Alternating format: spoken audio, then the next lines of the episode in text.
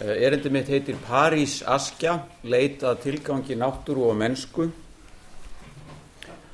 og ég ætla að tala út frá hugleðingum um öskju eins og svo mörg hér í dag og mun áræðanlega endur taka mjög margt sem að aðrir hafa nú þegar sagt og, og ruggla, ruggla með annað og, og, og stokka annað upp.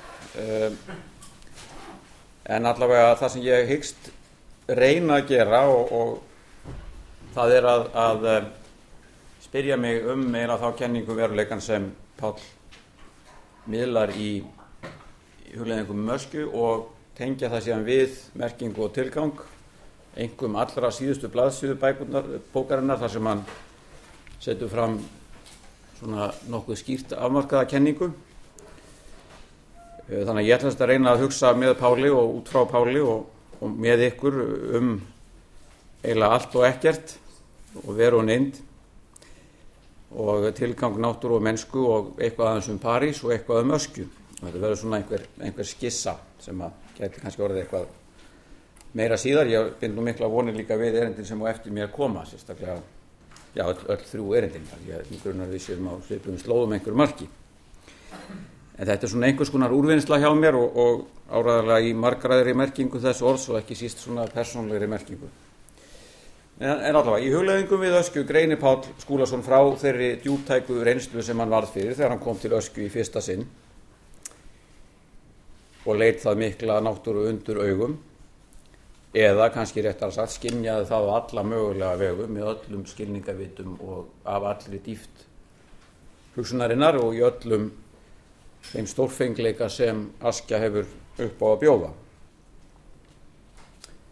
Ég hef áður fjallað dálítið um hugleðingar við öskju í erindi og sem síðan kom út í hug, heitir Náttúri, Náttúran, Raunin og Veran. E, og ég ætla mér ekki að bjóða upp á neina svona heldar sín á textan eins og Bára Huld kom ágjörlega að hér áðan, þá væri það nú eiginlega svolítið vonlust, það þurfti líklega heilt málþing um það því að textin er það marg brotinn ég ætla svona að leggjast eða jafnvel kafa í ákveðin smáatriði í textanum og ganga þá sagt, út frá ákveðinu atriði sem Páll veldur upp en lætur að mestu ógjert að útlista og ég held að svona já, ég held ég megi segja kannski að, að við sem fjallað höfum um hugleðingar öskju til þess að við höfum ekki mikið talað um þetta atriði sem er svona útgangspunktum minn en kannski ekki beint höfuðatrið en það er allavega það atriði sem að, já, mér er alltaf þótt aðteglisvert en ég hef ekki, ekki ennþá, ekki fyrir nú gert í einhver skil. Það er þessi hliðstæða sem að þá dregur upp milli Parísar og Öskju. Ef ég rifið nú upp upphaf textans, þá segir Pál frá því þar að reynslan af Öskju hafi kveikt með sér, með honum tvær spurningar, annars vegar, hvernig verður heild til og hvers konar heildir eru til og hins vegar hvernig myndast tengsl og hvers konar tengsl eru til. Og í beinum framhaldi skrifa Pál til vennun þessar spurningar hafa ekki horfið frá mér síðan. Að vísu voru þær báðar gamalkunnar frá fyrir tíð en það var eins og Askja hefði lagt þeim til nýtt líf. Hún eignaðist raunar bandamann fáinnum dögum síðar. Ég var í París og bar hana ósjálfrátt saman við öskju. Báðar eru hildir, báðar mynda óendanlegt net tengsla á milli ótal einstakra fyrirbæra, báðar fanga hugan með einstökum hætti. Báðar eru í einu orði sagt furðuverk. Tilvitnum líkur. París og Askja eiga það sem sagt sammeilegt að varpa ljósi á spurningarna tvær, spurningarna um heldir og tengsl. Bæði París og Askja eru heldir og innan þeirra eru ótalmörg einstök fyrirbæri sem standa í óendanlegu neti tengsla og báðar fanga hugan með einstökum hætti og báðar eru fyrðverkinu, bara að endur taka það sem stendur í tilhundinni. Og það er kannski hér sem ég ætla að skjóta því að, já, eða, já hér ætla ég að skjóta því að, að, að hérna, þetta verður þetta þau áhrif á mig að þau skilir reynslu mín af París þannig að hvers getur sem ég kendi París að þá fyrir alltaf að bróta heilanum öskju. Og finnst ég skilja hvað Pál á við en, en um leið finnst mér þetta aldrei merkilegt. Uh, Pál segir að hildirna sem París og Askja eru myndi óhandanlegt tengslanett fyrir bæra og að hugurinn laðast að þeim þessum teimur heldum. Af þessu leiður að það sem hér er í húfi er þrent, uh, heild, heildir, einstök fyrirbæri og hugurinn. Þetta þrent. Og við það bæta svo tengslinn og út frá þrýgreiningunni sjáum við væntanlega að tengslinn eru ekki bara millir fyrirbærna innbyrðis.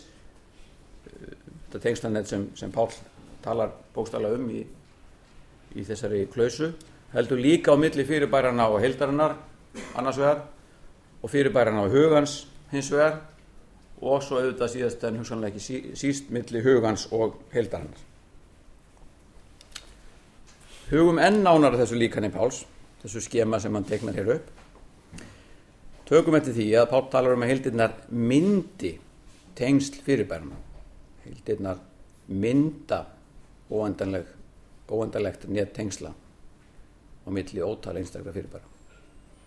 Það er, uh, þetta hljótu að skilja á þá leið að, að þessar heildir sem París og Askja eru séu virkar í einhverjum skilningi að jafnvel skapandi.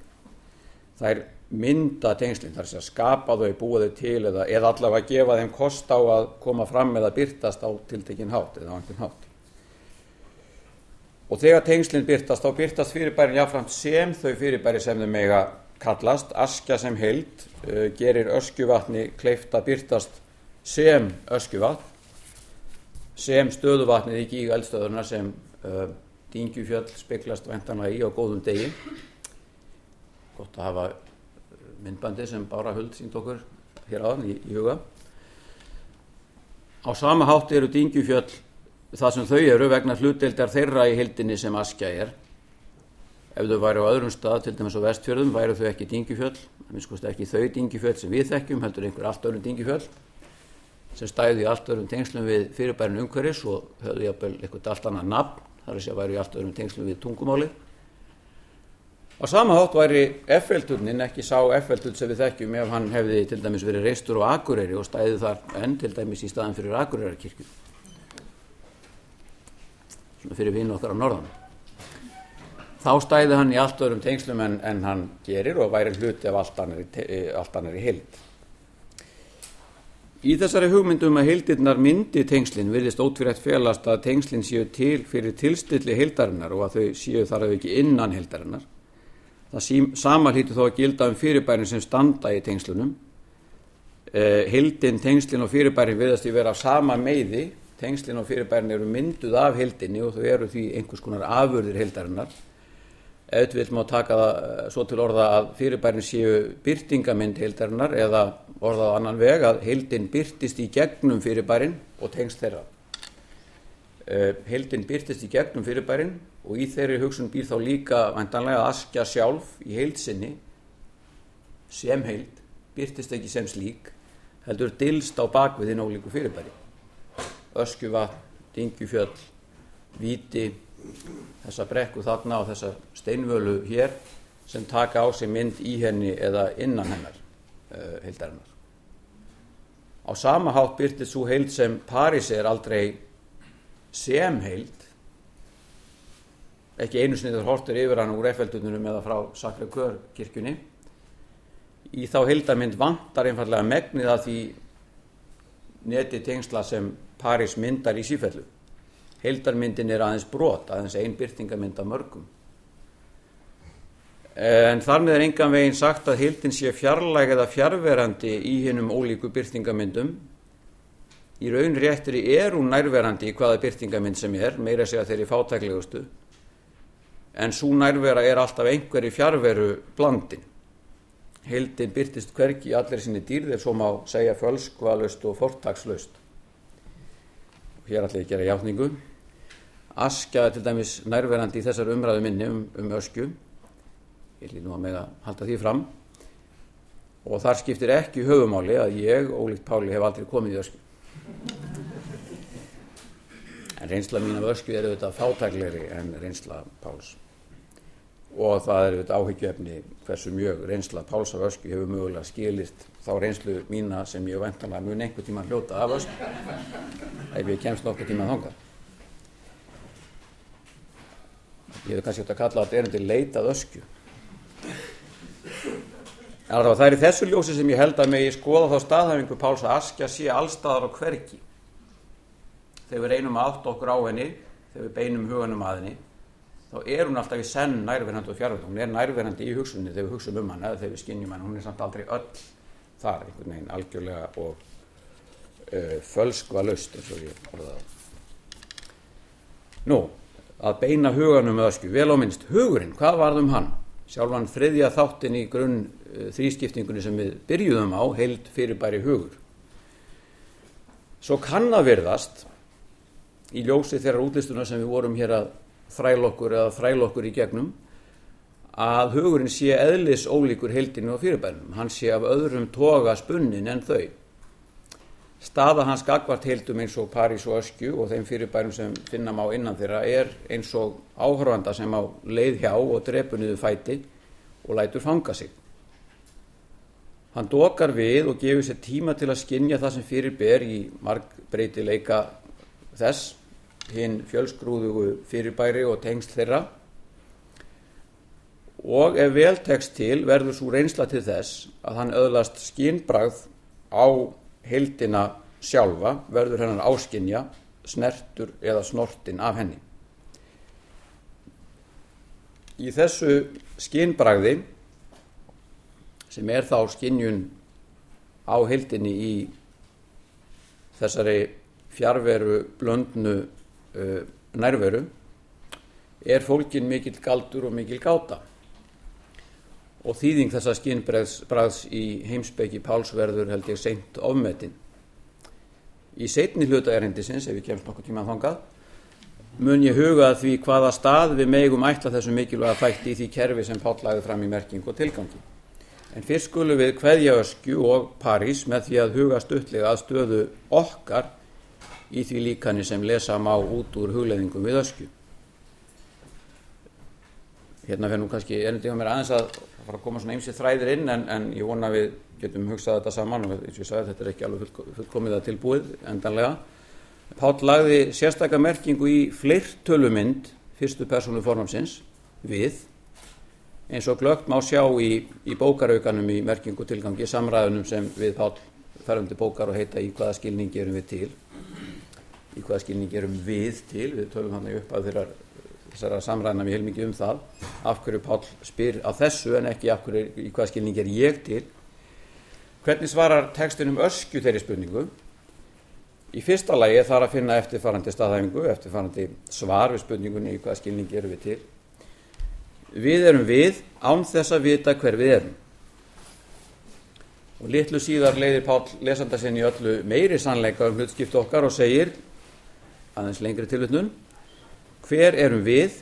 Hér og nú erum við lesendur þessa teksta og höfundar þeirra hugsana sem hann framleiðir því að hann getur ekkert leitt fram nema það sem við hugsum ég og þú, við. Eða hugsunin, andin sem leiður okkur saman gerir okkur okkur gerir okkur kleift að tala saman vera saman, vera við sjálf vera með sjálfum okkur. Tilvitnum líkur. Við erum með sjálfum okkur, við erum við, mæntanlega í þá tvíþættri merkingu þess oss, við erum við í tautológiskri merkingu og síðan líka þeirri merkingu að við erum viðstödd. Þegar við tölum saman, erum saman á þann hátt sem hugsunin eða andin eiginlega ætlast til á okkur. Og þá vitum við að minnst kosti öll betur hver við erum. Þetta er hlutverk hugsunarinnar, þáttur hugans í því að við finnum okkur sjálf eða svona það hvernig við getum fundið okkur sjálf út frá sjónarhóru hugsunarnar, svo maður segja. En tveimur blaðsum síðar í tekstanum við höfum Pál sömu orð þegar hann ræður um öskju og, um öskju og þýningu hennar fyrir okkur sem jarðarbúa. Og önnur tilvittnun. Ég er ég, þú ert þú og við erum við af því að við veljum okkur stað, erum, getum ekki verið við sjálf nema anspænis öskju eða öðru sambarilu tákni jarðar og getum horfið þangað sífelt aftur ef ekki raunveruleikanum þá í hugan. Við stöndum á jörðinni, byggjum, yrkjum og rústum hana ef svo ber undir af því að við fæðumst til hennar og getum engungu fundið sjálf okkur anspænis henni í ljósi hennar eða faðmi. Hún er því upphá og endir allra tilfinninga okkar fyrir veruleikanum í heilsinni og þá líka fyrir sjálfum okkur sem íbúum heimsins.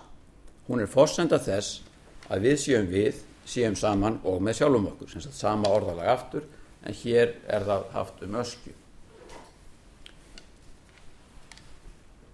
Á þennan átt sjáum við, eh, og það þurfa ekki að koma okkur óvart, að Páll lítur svo á að til að við getum þrátt fyrir allt svara spurningunum okkur sjálf á þann hátt sem krafist er af okkur, þurfum við í senn að lúta fórsöndum hugsunarinnar og þess ytri veruleika sem Askja eða París eru takk fyrir. Við þurfum með öðrum orðum, þegar þetta er á botni kvólt, svo Páll orðaða, að yfirstíga greinamun hugans og náttúrunar Við þurfum að hugsa um heildir og tengsl um hugan og fyrirbærin og skilja þá meðal annars hvað það þýðir að, að eins og Páll orðaða að náttúran er ekki aðeins að störfum utan okkar heldur líka í okkur sjálfum til einhver líkur. Og það er auðvitað þess vegna sem Paris og Asker og hliðstæðar þó að ekki séu þar eins. Í mannmerð stórborgarinnar er veruleikin í senn ævintýrlegur og ógmennlegur rétt eins og þegar við stöndum anspænis stórfenglegur náttúru undri. Þá er ég komin að setni hlutanum sem er stittri. Í lokakabla merkingar og tilgang setur Pátt fram tíu setningar, eins konar heimsbyggilegar tesur, sem hann segir lýsa skilirðum þeirrar nýju tilgangshyggju sem hann telur brínt af við mótum og gerum, gerum að kenningu okkar. Látum okkur að kenningu verða. Það er ljóst af orðum Páls að hann telur kenninguna eða kerfið sem hann leggur fram í merking og tilgangi ekki vera endanlega mynd slíkra tilgangshyggju raun og segir hann í bókinni að kerfi eigi aldrei að vera endanleg þau eigi að vera í stöður í verðandi en mér sýnist óhætt að líta svo á að bókin hafi einhvað síður að geima dröga slíkri tilgangshyggju e Jafnfram blasir við að kenningun í merkingu og tilgangi er ætlaði yfirstíga eða, eða upphefja, svo gripið sér til orðarsætti Hegel sem hefði bæntanlega glatt Pál í þessu samingi, e, yfirstíga, upphefja greinamun hugans og náttúrunar. Henn er ætlaði að gefa þetta kynna hvernig við getum verið með sjálfum okkur með því að rækta í senn hugan og náttúruna. Og í því að vera með sjálfum okkur fælst þá í senn að, að standa með sjálfum okkur, að vera meðutuð um stað okkur á stund í heiminum og að vera opinn fyrir því sem fyrir okkur ber þar sem við erum. Þar er komin mennskan, myndi ég halda, sem okkur stendur til bóða. Ég er svona slæð þessu bara fram. Okkur, eh, þessum mannverum sem byggja heimsinn á þeim mörgum náttúrunar og hugan sem við erum sjálf í krafti þess að vera líkamlegar veru. Á mörgum náttúrunar hugans erum við en líka á mörgum endanleikans og óendanleikans því eins og Pál bendir á uh, sprettur uh, tilvitnun, uh, vitund okkar um endanleikan, ekki síst okkar sjálfra og vina okkar, að vitund okkar um óendanleikan og þar með ælíðina og ódöðleikan. Þetta sé rétti á þorra, við ættum að þetta fram sem ælíðin, sjálfsögum. Án vitundarinnar um óendanleikan, um hildýpi tímans og geimsins, gætu við ekki gert okkur neina grein fyrir endanleikan, segir Pál hér, sínist mér. Hér verður því fyrir okkur eina af þeim stóru ráðgátum sem Páll lýsir eftirminnilega í ingangi merkingar og tilgangs þar sem hann rekur svona upphaf heimsbyggilegar hugsunar sinnar og svona svipaðan hátt og Brynjólfur frá minnanúbi gerði á sínum tíma e, og svo ráðgáta sem ég er hér að hugsa um og Páll lýsir þarna er ráðgátunum með endi mörg heimsins. Hvað þetta snertir einist Páll hafa ákveðna tilgátu fram að færa Einhvern veginn lifir í huga mér, segir hann, minningin um að heimurinn sé í einhverjum skilningi afmörkuð heild og að utan hennar sé eitthvert hildýpi sem við náum ekki að höndla í hugan. Og þetta hildýpi, óendanleikin sjálfur, eins og endur speiklast inn í huga okkar sjálfra, því hvar eru mörg hugans? Hugurinn verðist geta þanið sig yfir alla skapaða hluti og búið sér til alls konar innra skipulag með ímyndunarafni sínu. Til hlutnum líkur. Stöldrum við og íhugum þetta Heimurinn er afmarkaður og utan hans er hildýpi sem er óendanleikin sjálfur. Hugurinn er eins og fulltrú eða staðgengill þessa óendanleika í heiminum og eins og við sáum er það einverðungu í ljósi þessa óendanleika sem endanleikin getur byrst sem endanleiki. Hér höfum við því enn og aftur þrískipt líkan af veruleikanum í afar djúptækum skilningi, ég veit ekki eins og hvort við getum sagt að sé líkan af veruleikanum því að einn þáttur í þessu líkani er eiginlega veruleikin, þess að heimurinn eða endanleikin, svo er óendanleikin og svo er hugurinn. Ef við leiðum hugan aftur að þrískiptingunni sem Páll beitti við greiningu sinni á upplifuninu af Öskja og París, þá sjáum við að þar kemur óendanleikin líka við sögu. Bæði Askja og París eru heildir sem mynda óendanlegt nettengsla á milli ótal einstakara fyrirbæra. Óendanleikin og ótæljanleikin eru þó að verki í fyrirbærunum sjálfum og tengslum þeirra, þar að segja í heiminum, í endanleikanum, innan endanleikans. Óendanleiki og endanleiki fléttað saman hugurinn fulltrú óendanleikans kemur þarna að og nemur þetta sjónarspil fyrirbærarna og hins óendanlega tengsla nets færi það í búning merkir það upp eins og skúlitalaðum og hugsar þar með um heiminn og um merkinguna sem þarf einmitt á slíkri umhyggju sem umhugsunin er að halda til að komi veg fyrir að hún týnist eða svo vitna segi Pál merkingin er umkomulaus og háð því að um hana sé sífælt hugsa þetta segir hann í undir lokmerkingar og tilgangs. Mennskan er í þessari umhugsun og umhyggju um merkinguna. Þar myndi ég kannski halda að tilgangurinn væri komin já, uh, ljúkum þessu svona nú ætlum ég að flækja málið. Í, í, tesunum tíu í lokmerkingar og tilgangsstað hefur Pál að tilgangurinn sé það sem hann kallar að hætti plótinusar hið eina. Jáfnframt segir Pál að allt taki mið af hinnu eina. Með því orðalagi sínist mér það er eiginlega bara tilgáta hann eiga við að hinn efnislegi veruleiki streymi frá hinnu eina sem þá ber að skilja sem andan. Andin eða þið eina gefur efninu uh, þá stefnu og mið uh, og jafnframt er hið eina ofgnótt þetta segir hann í tesunum og þessi ofgnótt er óútreiknanleg og óafmarkanleg Fyrir vikið er ekki útséð um þá tókstreitu milli merkingar og tilgang sem allt, gjörsanlega allt stendur og fellur með. Svo rótæka einhyggja sem Pál hveður kenningu sína vera, undir lokmerkingar og tilgangs, er hughyggja, það segir hann líka, í þeim skilningi að andin er upprunanlegur en efnið og í reynd kemur efnið hverki fram nema innan þeirrar heildar sem andin er. Utan þeirrar heildar á óendanleikin síðan heima og hugurinn sömuleiðis en er þá ekki um þrýhyggju að ræða frekar en einhyggju?